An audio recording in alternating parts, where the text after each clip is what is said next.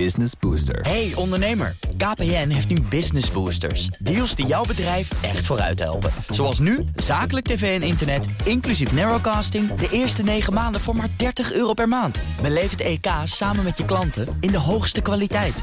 Kijk op kpn.com slash businessbooster. Business Booster. De column van Paul Lasseur. Volgens burgemeester Abu Taleb van Rotterdam is nog helemaal geen besluit genomen om de iconische Koningshavenbrug in zijn stad, de Hef, tijdelijk te ontmantelen voor het mega-plezierjacht van Amazon-oprichter Jeff Bezos.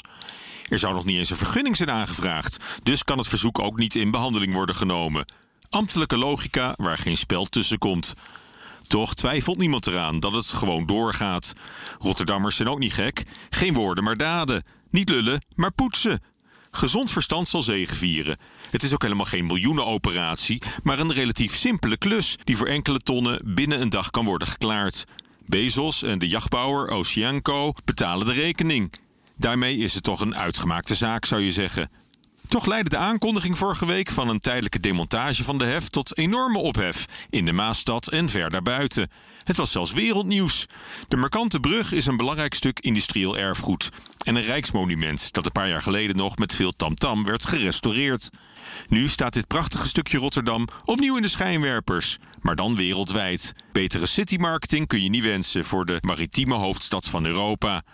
En gratis reclame voor alle scheepsbouwers in de regio die superjachten bouwen voor de rijken der aarde.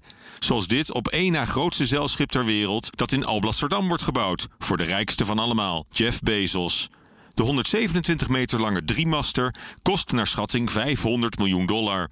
Om dit gevaarte door te laten richting zee zal alleen het middenstuk van de 40 meter hoge hef tijdelijk verwijderd moeten worden.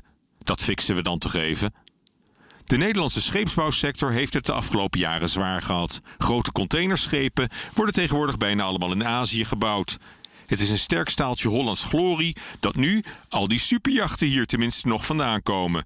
Daar moeten we zuinig mee omgaan. Oppassen dat het vestigingsklimaat voor deze hoogwaardige industrie niet net zo hard verzuurt als eerder voor onze multinationals Unilever en Shell. Multimiljardairs hebben een zwaar negatieve gunfactor, zo blijkt maar weer. De tegenstand richt zich voornamelijk op Jeff Bezos persoonlijk.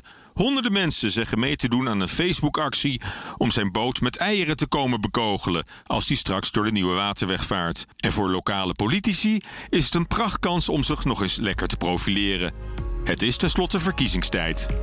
Prettige maandag.